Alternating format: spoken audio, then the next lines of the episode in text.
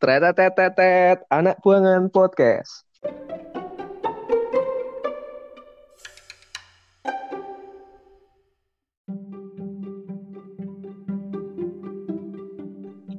Syekh Ibnu Atailah, pengarang kitab Alikam. Ini menurut saya cocok sekali gitu. Hikmahnya itu seperti ini. Allah mendatangkan gangguan melalui tangan manusia agar kau tidak merasa tentram bersama mereka. Dia ingin membuatmu kesal terhadap segala sesuatu agar tidak ada yang melalaikanmu darinya.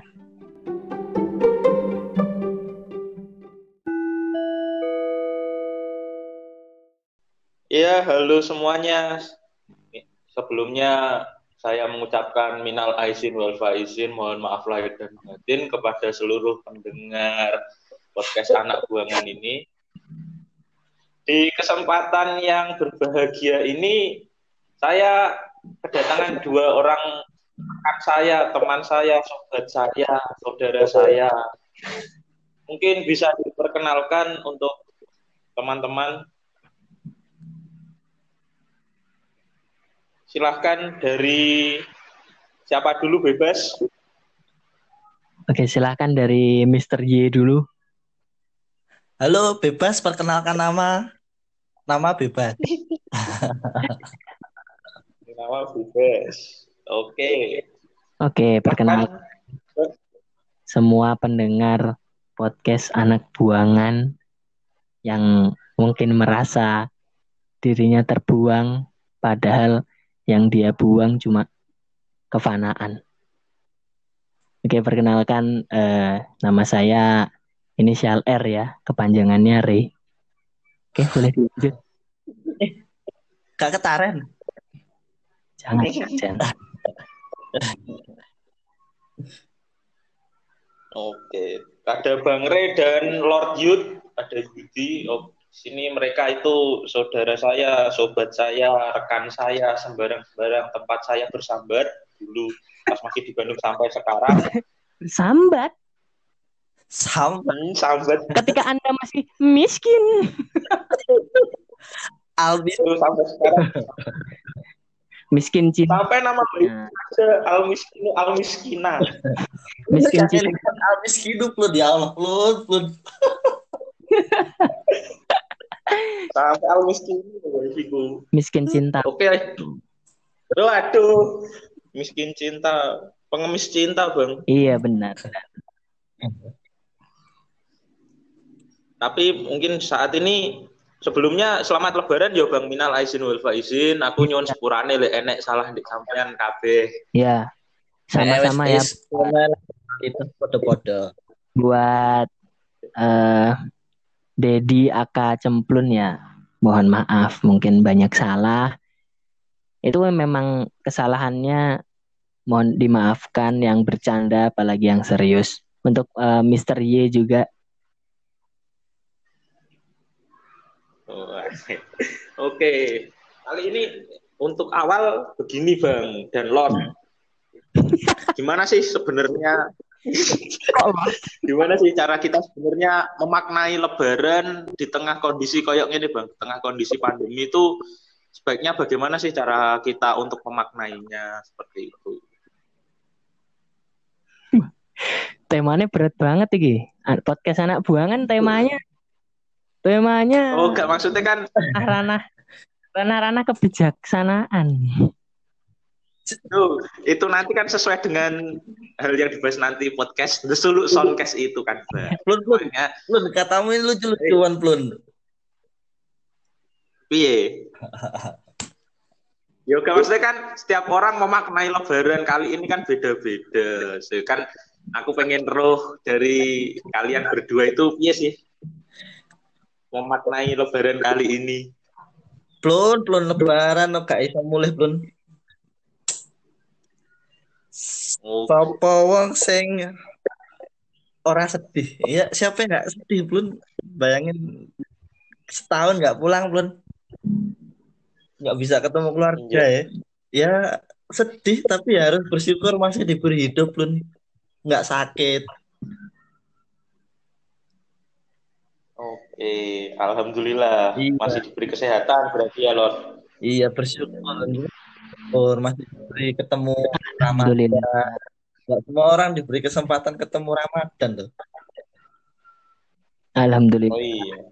Alhamdulillah. Ya. Dah. Tapi ya sedih bisa kumpul bareng keluarga.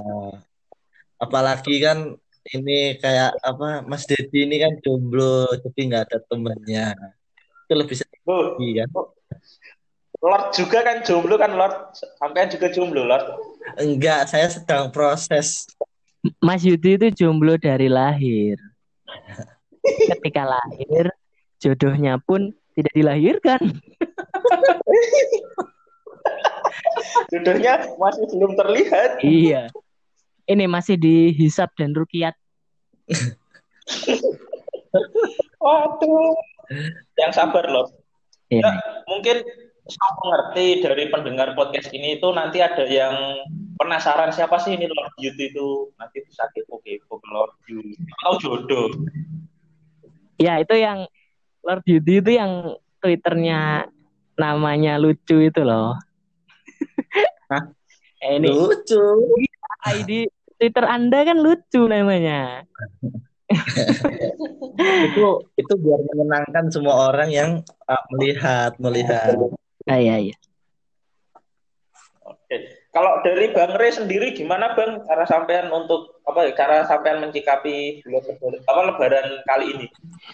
Ah, iya, sebelumnya Lebaran ini memang hari raya Idul Fitri yang berbeda dari sebelum-sebelumnya ya.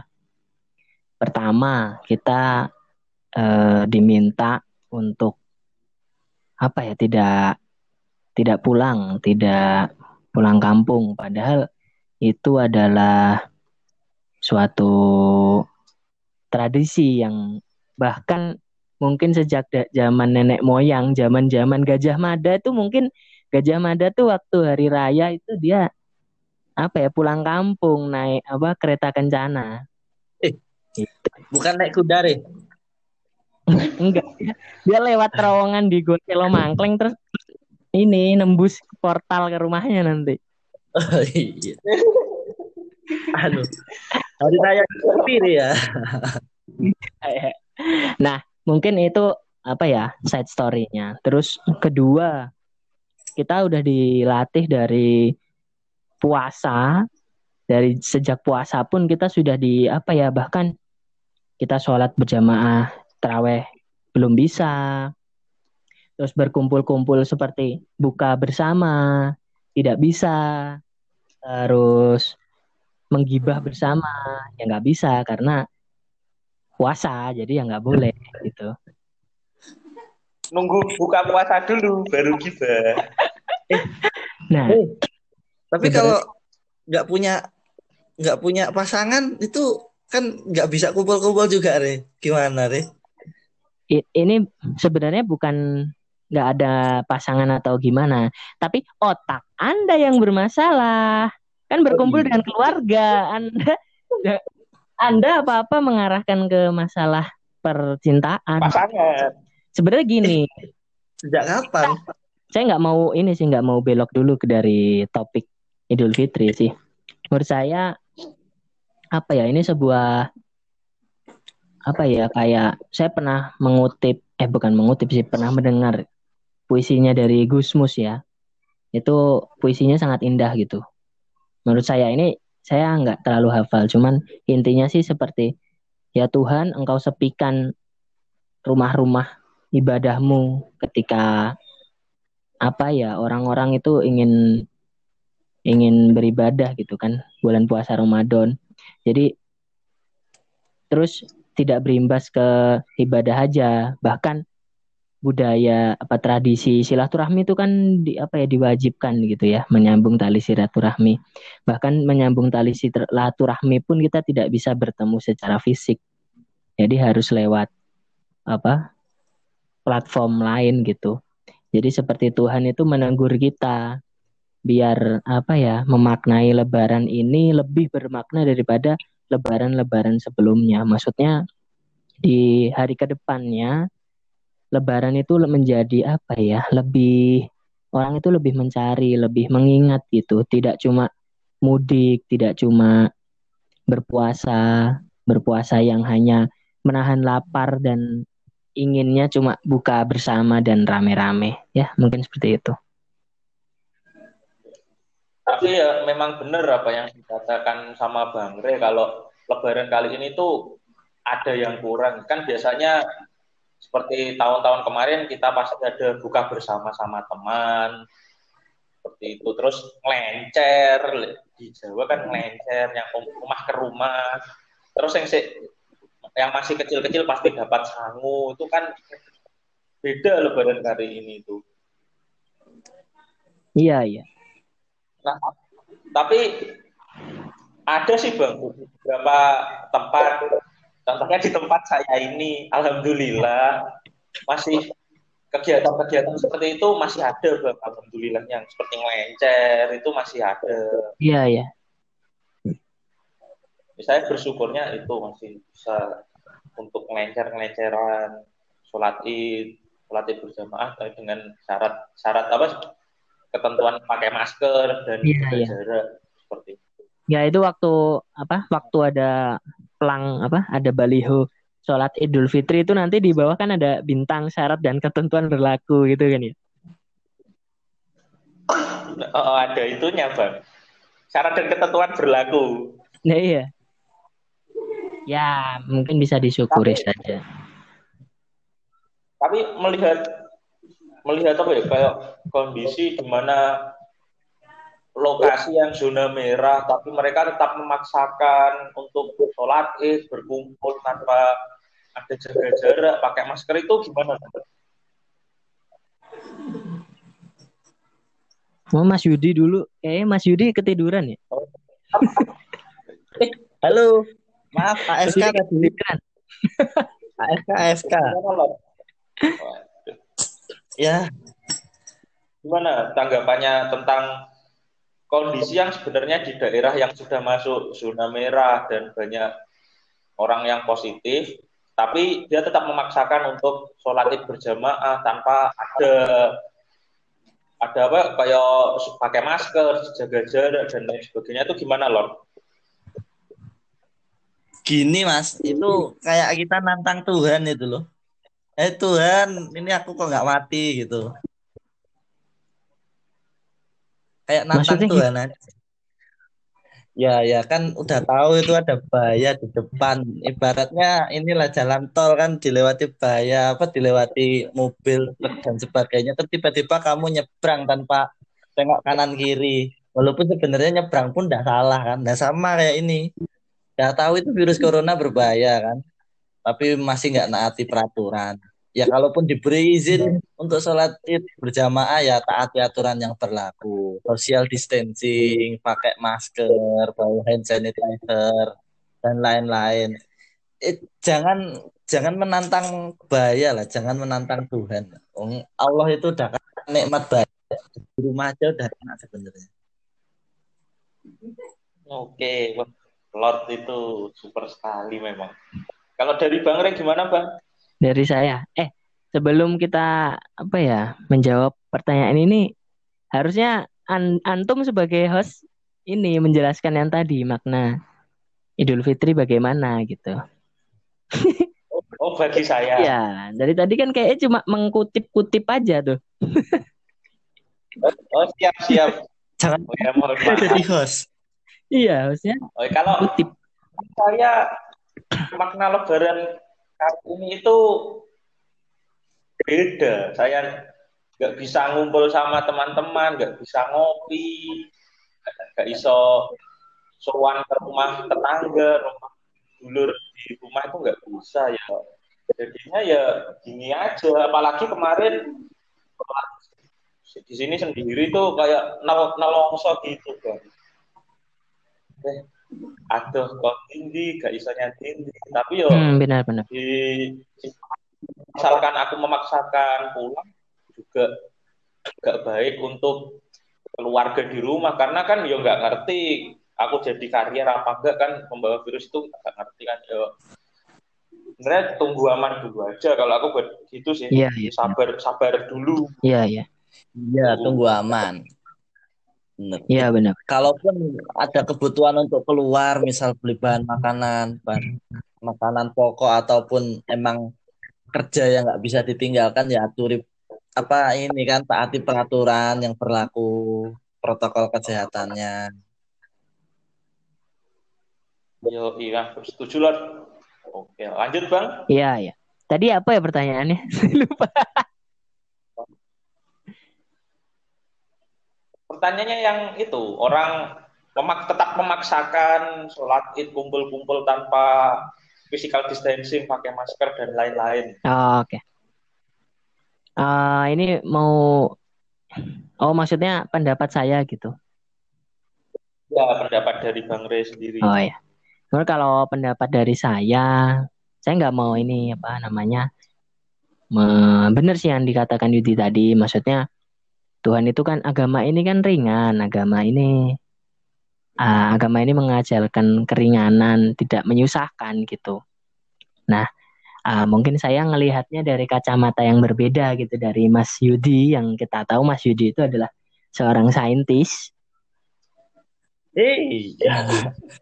Hanya berpedoman terhadap Al-Quran dan hadis. Enggak, maksudnya bukan begitu, Mas. Ilmu pengetahuan. Pujian aja, pujian aja terhadap antum.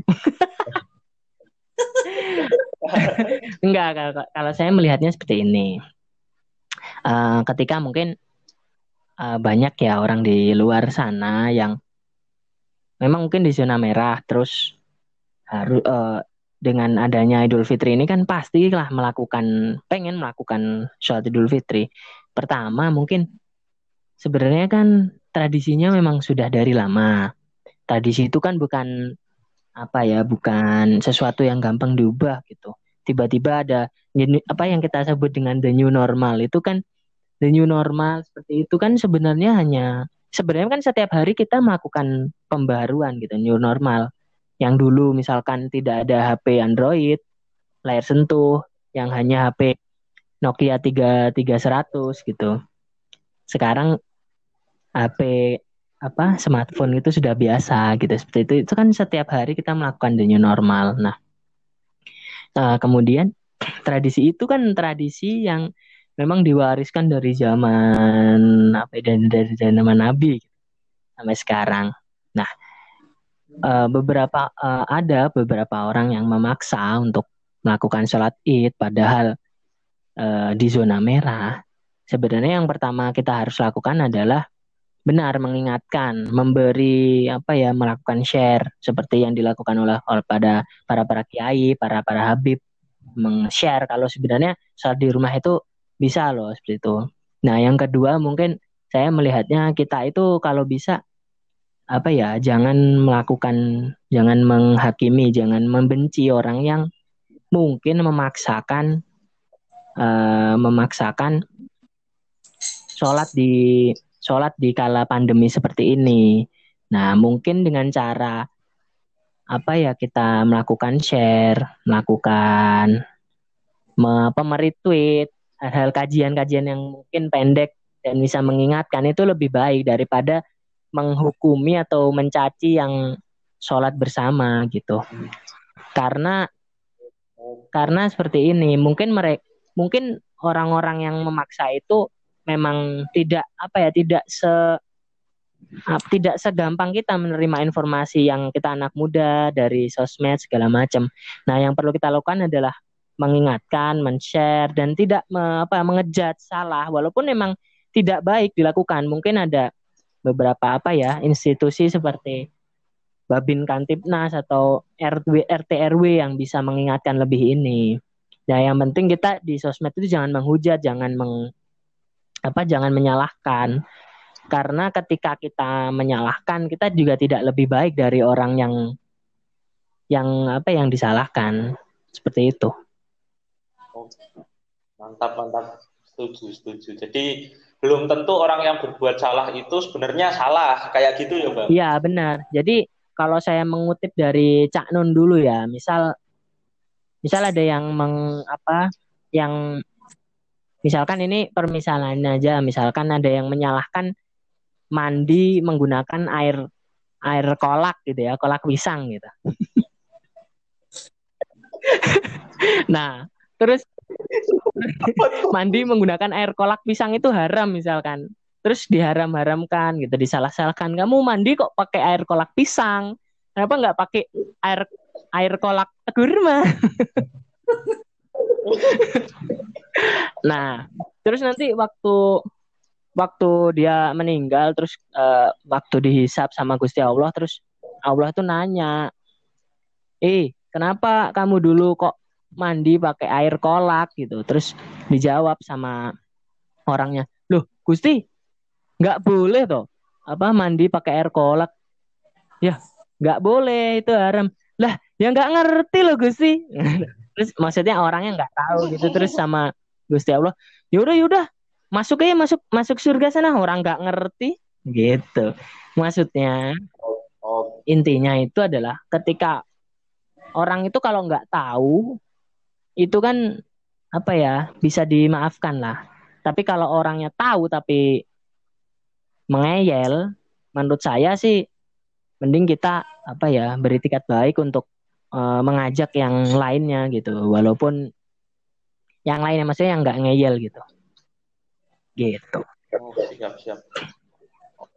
Jadi dari situ seperti lebih baik menyebarkan apa ya, kayak pernah ada kata-kata lebih baik menyebarkan satu informasi kebaikan daripada opo ngono lali aku kepanjangan ini. Iya. Maju Dewi ulang. Iya, seperti itu. Lebih baik menyampaikan informasi benar daripada informasi hoax.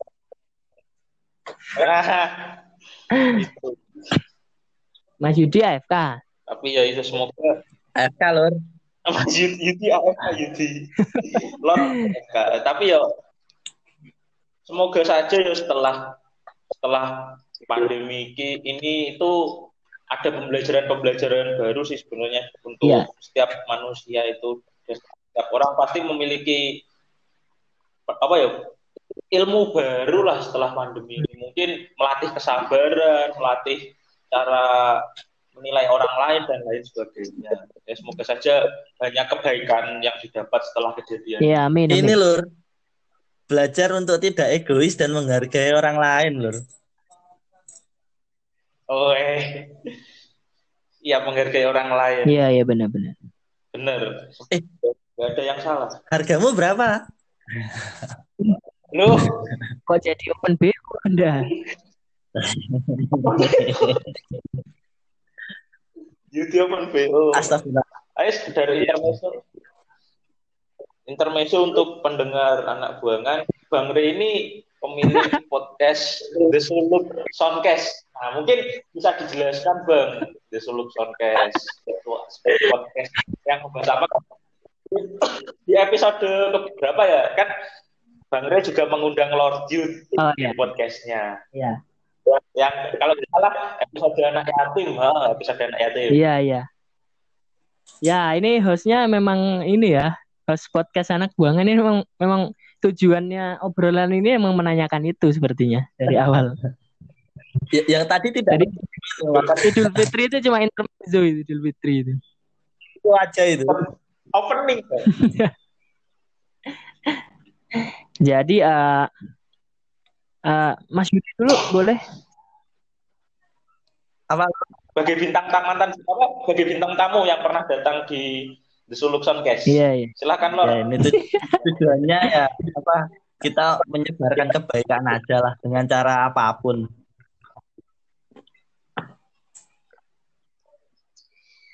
Iya. Terus gimana Lor? Ya bagus bagus. Bagus untuk diteruskan lah. Amin amin. Itu Lord Jun siap dikontrak seumur hidup. Ini. Siap, siap, siap. Nanti calonnya marah, Bos. Waduh. Enggak. Calon yang mana? Itu calon malaikat yang nanyain di tempatnya nanti.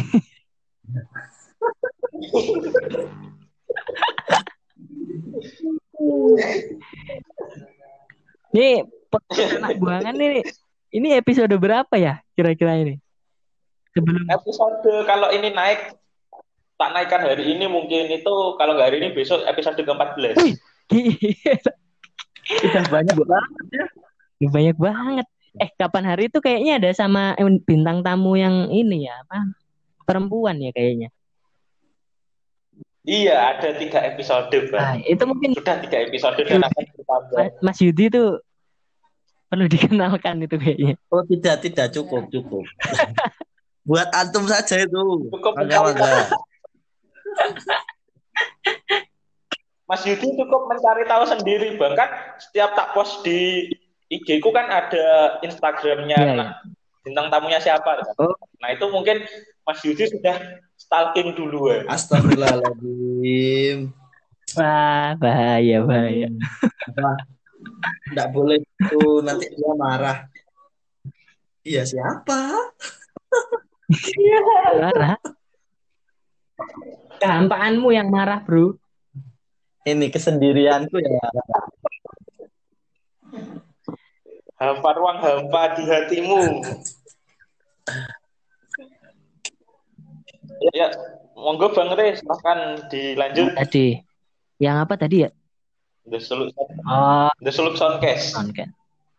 Oke, ah The Suluk Soundcast itu apa ya? Sebuah wahana wahana mendengar gitu. Ah, di mana saya membuatnya itu kan pertama dari keinginan gitu. Apa ya? Menceritakan bukan menceritakan, mengambil hikmah-hikmah gitu dari banyak dari kisah-kisah dari eh dari hikmah dari apa quotes seorang syekh seorang apa seorang guru-guru dulu gitu. Pertama sebenarnya saya membuat itu karena keinginan saya untuk seperti belajar belajar ya sih. Per- Pertama belajar. Terus yang kedua adalah dengan kita belajar seperti itu semoga saja salah satu dari apa ya episode atau kisah yang saya bawakan itu bisa menjadi teringat gitu di benak jadi bisa menjadi hikmah jadi apa kerangka berpijak berhi- berhidup. Jadi sebenarnya tujuannya utama adalah mengilhami diri saya sendiri dan juga teman-teman saya yang ikut dalam apa narasumber nah, teman-teman saya yang jadi narasumber gitu. Kita tidak muluk-muluk untuk orang lain. Pertama yang kita tuju adalah diri kita sendiri gitu. Saling apa memberikan pandangan yang mungkin banyak orang sekarang yang sudah mulai apa ya terlalu eh pemikirannya tuh hanya untuk mencari materi. Mereka melupakan jalan mereka pulang kelak gitu. Seperti itu sih Oke, mantap. Berarti mengawali segala sesuatu itu yang pertama harus dari keinginan terlebih dahulu. Wih. Salah satunya membuat biasa. podcast. Kemudian harus ada keinginan, iya misalkan iya Mas Yudi pengen punya pacar, harus ada keinginan, Nah. keinginan untuk siapa sih yang mau cocok jadi pacar sebenarnya Mas? iya Kriterianya bagaimana? Eh, kenapa jadi jadi bahas perempuan ini? Nggak boleh. Yo, enggak kan Balik balik lagi balik lagi. Bahas yang benar. Bang Re membuat podcast The Suluk Soundcast kan karena keinginan. Berarti Mas Yudi nanti harus punya keinginan, misalkan mau cari pasangan, gitu. keinginan untuk mendapatkan jodoh. Ini aja aku tak AFK. Waduh, jangan AFK mas, jangan AFK. Ini just for fun. Kan kalau Re podcastnya untuk berbagi berbagi ilmu, berbagi kisah, mendapatkan pelajaran yang baik. Kalau di podcast ini kita yang pertama just for fun, sharing dan untuk mengetahui kabar teman-teman. iya iya iya Tuh. Iya sih, bagus. Maksudnya podcast anak buangan ini kan menurut saya apa ya, menyambung silaturahmi gitu. Itu udah udah paling baik lah menurut saya. Semu- karena semua yang kita lakukan itu kan bergantung pada niat kita gitu. Kalau niat kita hanya mencari dunia ya Anda akan mendapat dunia. Kalau niat Anda hanya mendapat apa ingin masuk surga ya pasti mendapat surga, tapi nanti waktu di surga kita tidak bisa bertemu dengan Allah karena semua yang apa ya menurut saya niat itu lebih lah daripada sekedar apa gerakan fisik gitu. Oke. Buat teman-teman podcast anak buangan bisa langsung didengar di Seluk Soundcast ada di Spotify, di Apple Podcast dan lain sebagainya. Det, Kan yang ini siapa yang dibuang sebenarnya? Kan judulnya kan podcast ini anak buangan. Itu maksudnya ya ya mungkin sudah tahu lah siapa yang dibuang. Eh tapi eh, sebelumnya pengen nanya nih, eh, sebenarnya kalau di daerah sana Idul Fitrinya seperti apa sih tradisinya gitu? Yang beda dengan di Jawa gitu. Oh, Orang teman-teman bisa kan daerahnya berbeda gitu. iya. Mungkin sebenarnya juga hampir mirip sih. Ada tetap ada mencer so- datang ke rumah-rumah itu tetap ada, Bang. Nah, cuma karena kondisinya corona ini jadi agak membingungkan bagi saya mencari tahu gimana sih kebudayaan Idul Fitri di sini. Sejauh ini kemarin itu ya tetap sholat biasa, nggak ada salam-salaman kan biasanya ada salam-salaman keli- melingkar kayak gitu nggak ada. Nah terus di sini itu kan ada dua kepulau, Kei besar dan Kei kecil. Iya, iya. Nah saya sendiri kan ada di Kei kecil. Kebanyakan yang dari Kei kecil ini adalah masyarakat yang dari Pulau Kei besar pindah ke Kei kecil. Jadi kebanyakan juga masyarakat di sini itu kalau Idul Fitri kembali ke kampungnya di Kei besar gitu. Mudik lah ya. Orang sana berarti mudik juga. Ya, mudik, mudik, Besar. mudik juga. Dan uniknya, mudiknya tuh kan di sini kalau ke Kei besar tuh harus pakai speedboat. Ada beberapa keluarga yang memang punya speedboat pribadi. Jadi dia bawa speedboat Wah, kapalnya itu untuk Kaya juga orang sana. speedboat yang kayak itu. Ya. Dia tenan. Kan kalau kan kalau di Jawa kan mudiknya misalkan dari Jakarta ke Kediri kalau misalkan nggak naik kendaraan umum kayak kereta, pesawat naik kendaraan pribadi kan mobil. Nah, di sini speedboat kapal itu bisa bisa jadi kendaraan pribadi Oh iya iya. Kalau jet ada nggak jet?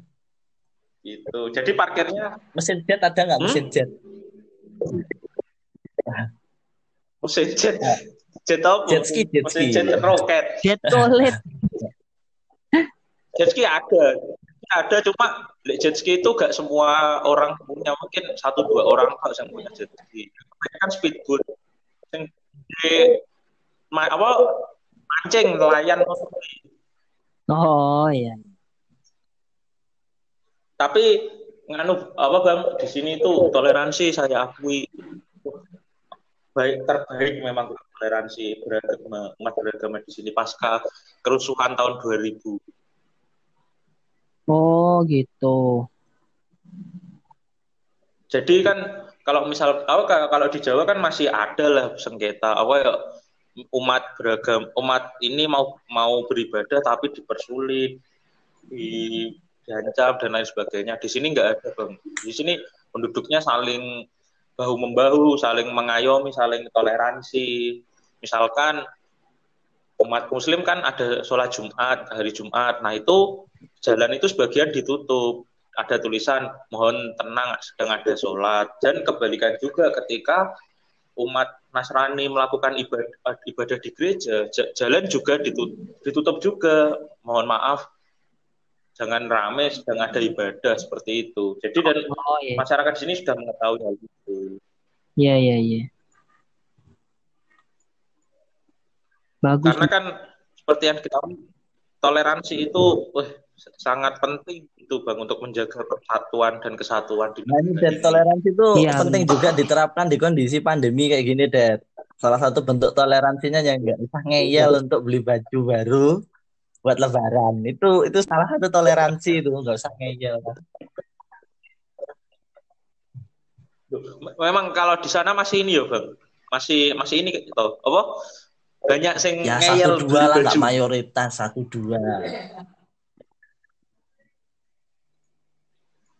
Lah, kalau sampean sendiri beli baju nggak Jangan-jangan Anu, sampean ikutan juga. Aku beli ini aja, beli bahan pokok beras. beras. Iya, no. Oh, makanya bang, makanya mas, mas, mas Yudi segera mencari pasangan biar tidak masak-masak sendiri, tidur-tidur sendiri, nyuci baju sendiri. Ini Kayak lagu itu ya. Ya iya, kayak lagu bang. Relevan sekali untuk saat ini. pasangan nanti dibahas di lain chapter aja, jangan di chapter ini. Iya siap siap. Itu balik lagi ke Iya. Solo Soundcast lagi. Saya masih Apa? Kenapa ya? Kan- Jadi yang pertama itu kan jadi Suluk ke sini. oh, sedikit spoiler aja Bang. Mungkin Ya, ya. untuk mendengar podcast anak nanti biar bisa langsung dengerin di podcast kan di chapter pertama kan ada manusia langit itu apa sih bang kayak bocoran singkat Bocoran singkat. Manusia langit ya. Manusia yang tidak hidup Iya. di bumi. kayak hidup di bumi apakah hidup Ini lebih detailnya mending kalian Oh. dengarkan aja langsung lah. sedikit sedikit intro saja Oh. Sebenarnya sedikit aja bang manusia langit ya. Eh, yang bisa saya beritahu cuman mungkin seperti ini sih. Banyak di mana apa ya?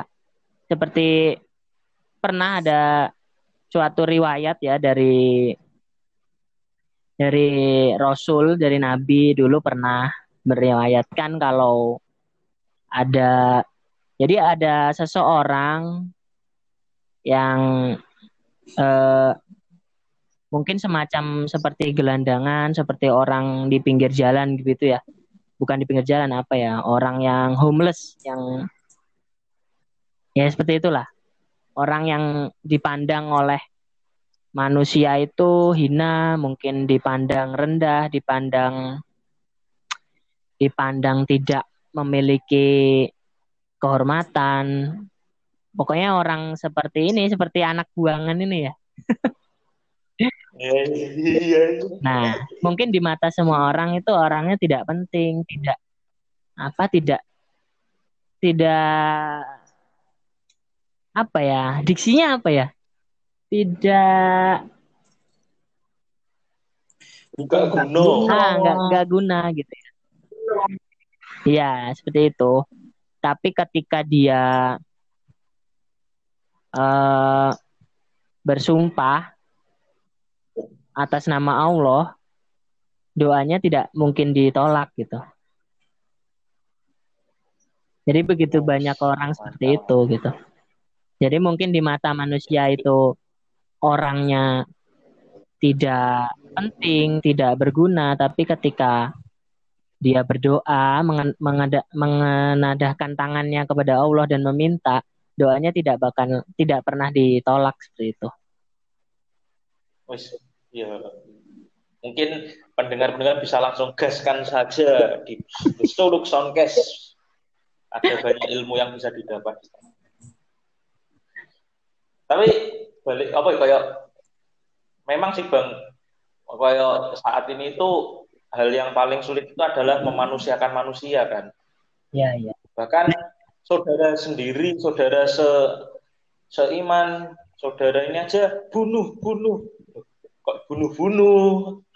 Padahal kan Allah juga nggak pernah apa ya kayak jangan membunuh orang kayak gitu kan.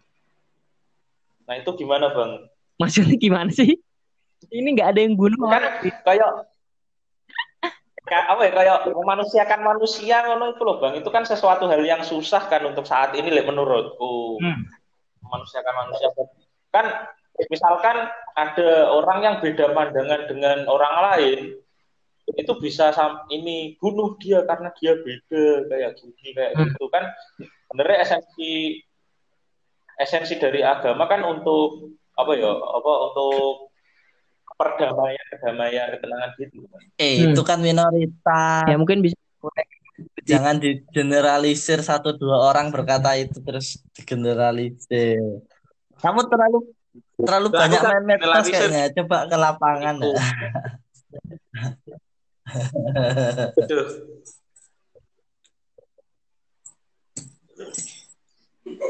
Nggak apa-apa, biar ini ada plus minusnya banyak. kehidupan lah.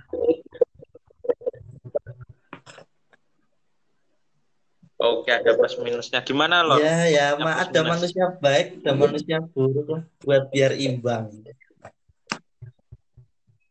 Oh, Iya. biar seimbang hidup ini. Toh kan baik buruk tuh tergantung ini, tergantung asumsi pribadi masing-masing.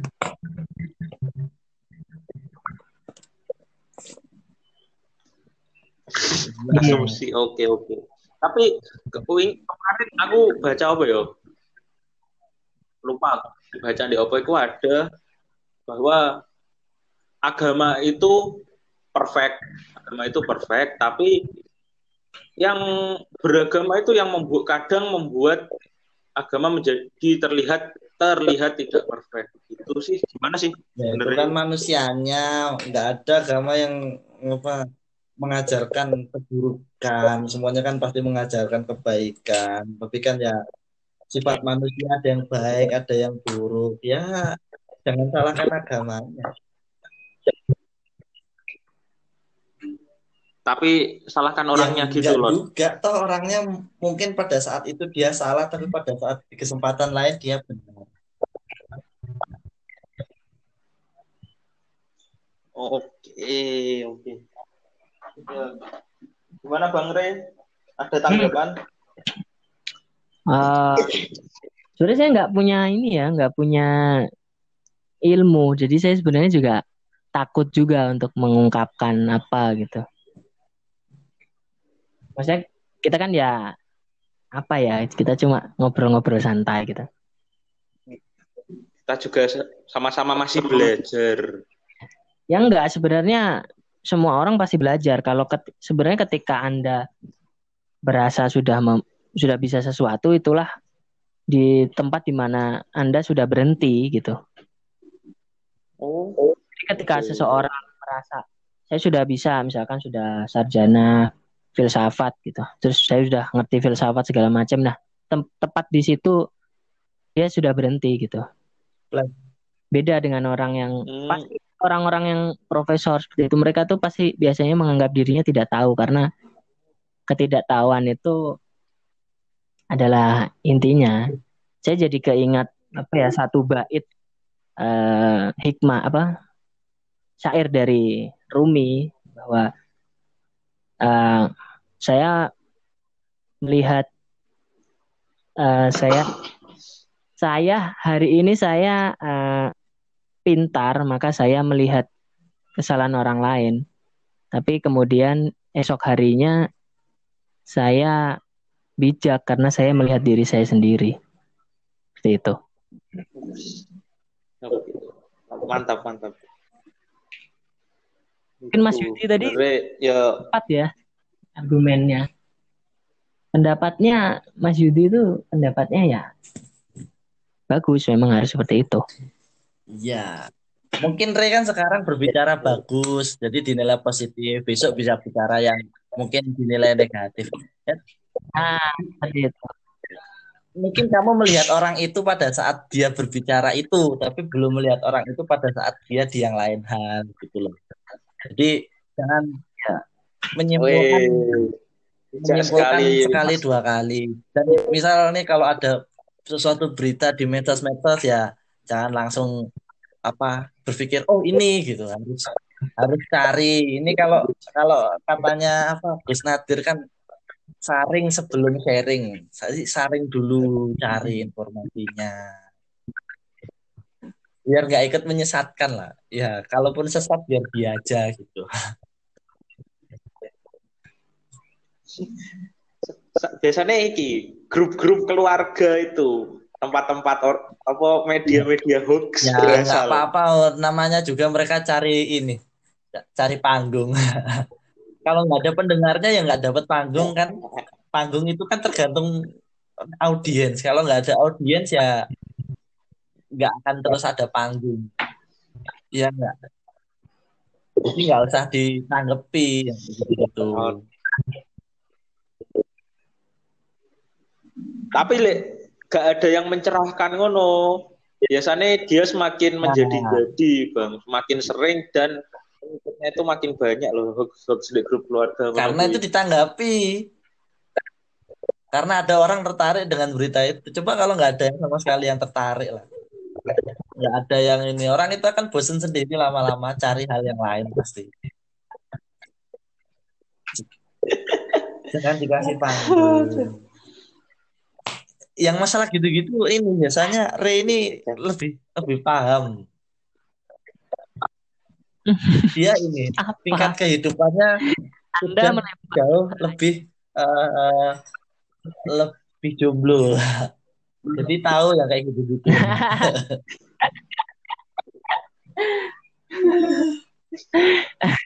Bang bukan bukan aku yang ngomong, Bang. Iya iya Yang ngomong Lord iya emang. Oh ada motor ya? Duh, kosku pinggir Oh, jalan, iya, Bang. siap. Berarti nanti mungkin bisa diganti namanya jadi podcast anak buangan jalan. pinggir jalan kosku soalnya. Boleh pintu kosku tak buka, bang, bang, bang, bangnya kerumuh Hmm. banget. Ini coba jalannya dipinggirkan Iya. lagi. Dipinggirkan ke sebelah mana?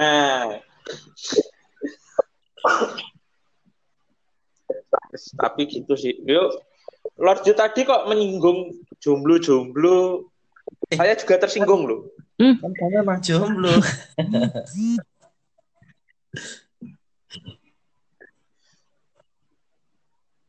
Tapi yuk, jomblo itu Eh. pilihan.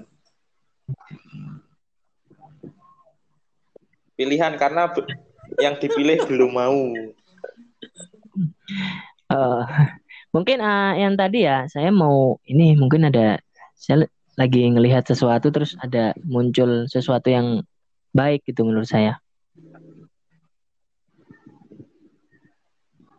Monggo. Nah, jadi ber- tadi eh, berangkat dari hikmah yang apa namanya?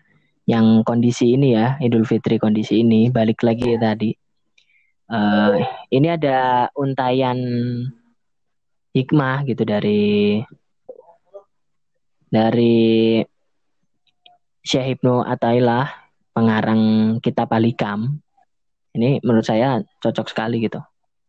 Hikmahnya itu seperti ini. Allah mendatangkan gangguan melalui tangan manusia agar kau tidak merasa tentram bersama mereka. Dia ingin membuatmu kesal terhadap segala sesuatu agar tidak ada yang melalaikanmu darinya. Nah, menurut saya eh, hikmah ini cocok sekali. Mungkin dengan adanya wabah ini, penyakit ini, kita menjadi apa ya, dijauhkan gitu dari keinginan duniawi, buktinya ah, buktinya seperti tempat-tempat ibadah pun ditutup tapi tempat-tempat apa namanya yang untuk berbuat dosa juga ditutup jadi mungkin ini apa ya rasa kasih sayang Allah yang rindu gitu terhadap diri kita yang ingin ingin gitu menemukan jalan pulang gitu ya intermezzo aja itu Hmm. Oke. Mantap Bang. Mantap untuk intinya. Ya, semoga itu tadi yang pertama kondisi pandemi ini segera benar-benar berakhir agar kehidupan juga kembali seperti sedia kala dan harapan saya untuk rekan-rekan lainnya juga tingkat apa ya ilmu-ilmu baru yang didapat juga semakin banyak dan bisa memanfaat, memanfaatkan ilmu yang didapat itu dengan baik. Oh ya Bang, berhubung di sini sudah asar, mungkin sebelum ditutup ada kata-kata seperti bisa motivasi, ini masih setengah dua. Bisa ini setengah empat di sini. Itu ada ada ada sudah ada azan. Oh, ini ngomong-ngomong podcast anak buangan ini di disiarin dari mana ya? dari timur sana. Oh, iya. Oh, ini ya kita beda waktu ya. Iya, beda waktu dua jam. Oh iya, bagus bagus. Itu sudah suara azan. Kerasa ya udah. Jadi mungkin Oh. Iya iya. Dari Mas Yudi dan Bang Rey ada semacam kata-kata penutup di episode kali ini. Monggo disampaikan. Mas Yudi Aku dulu cukup, boleh. aku udah ta- udah tadi ilmunya udah banyak yang disampaikan Re, udah cukup. Mantap mantap. Kata-kata penutup untuk para pendengar, Oh, anu, Mas. Kata-kata Eh, like dan subscribe para channel pendengar. Mungkin bisa promote promote IG, promote Twitternya gitu. prom- apa kata-kata mutiara nggak apa-apa atau pesan untuk ini- pendengar-pendengar podcast ini? Kalau promo nanti diajak mutualan jangan. Nggak boleh mutualan sama Mas Yudi. Mutualan kalau nggak serius buat apa loh?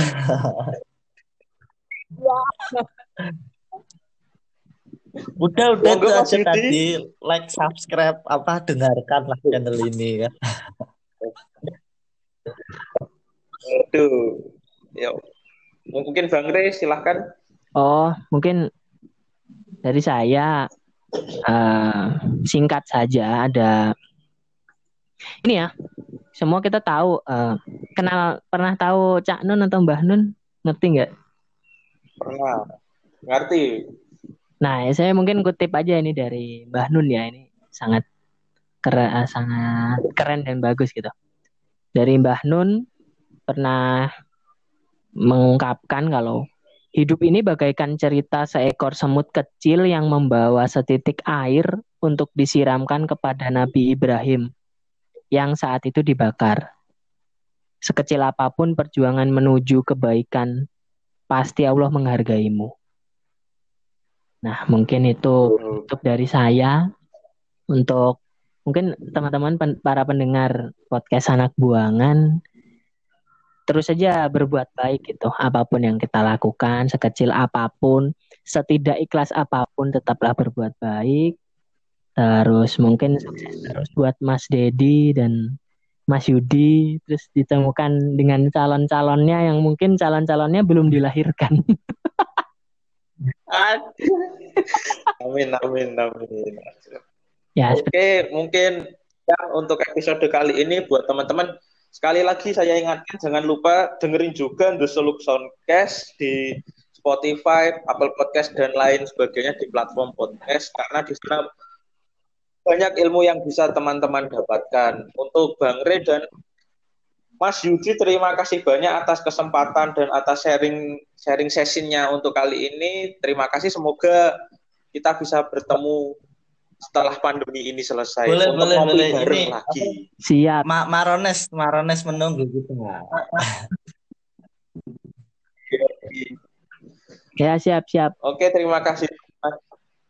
Karena di sini sudah asar, saya mau mandi dan siap-siap dulu. Oh, iya. Terima kasih. Wassalamualaikum warahmatullahi wabarakatuh. Sampai jumpa di episode selanjutnya. Waalaikumsalam.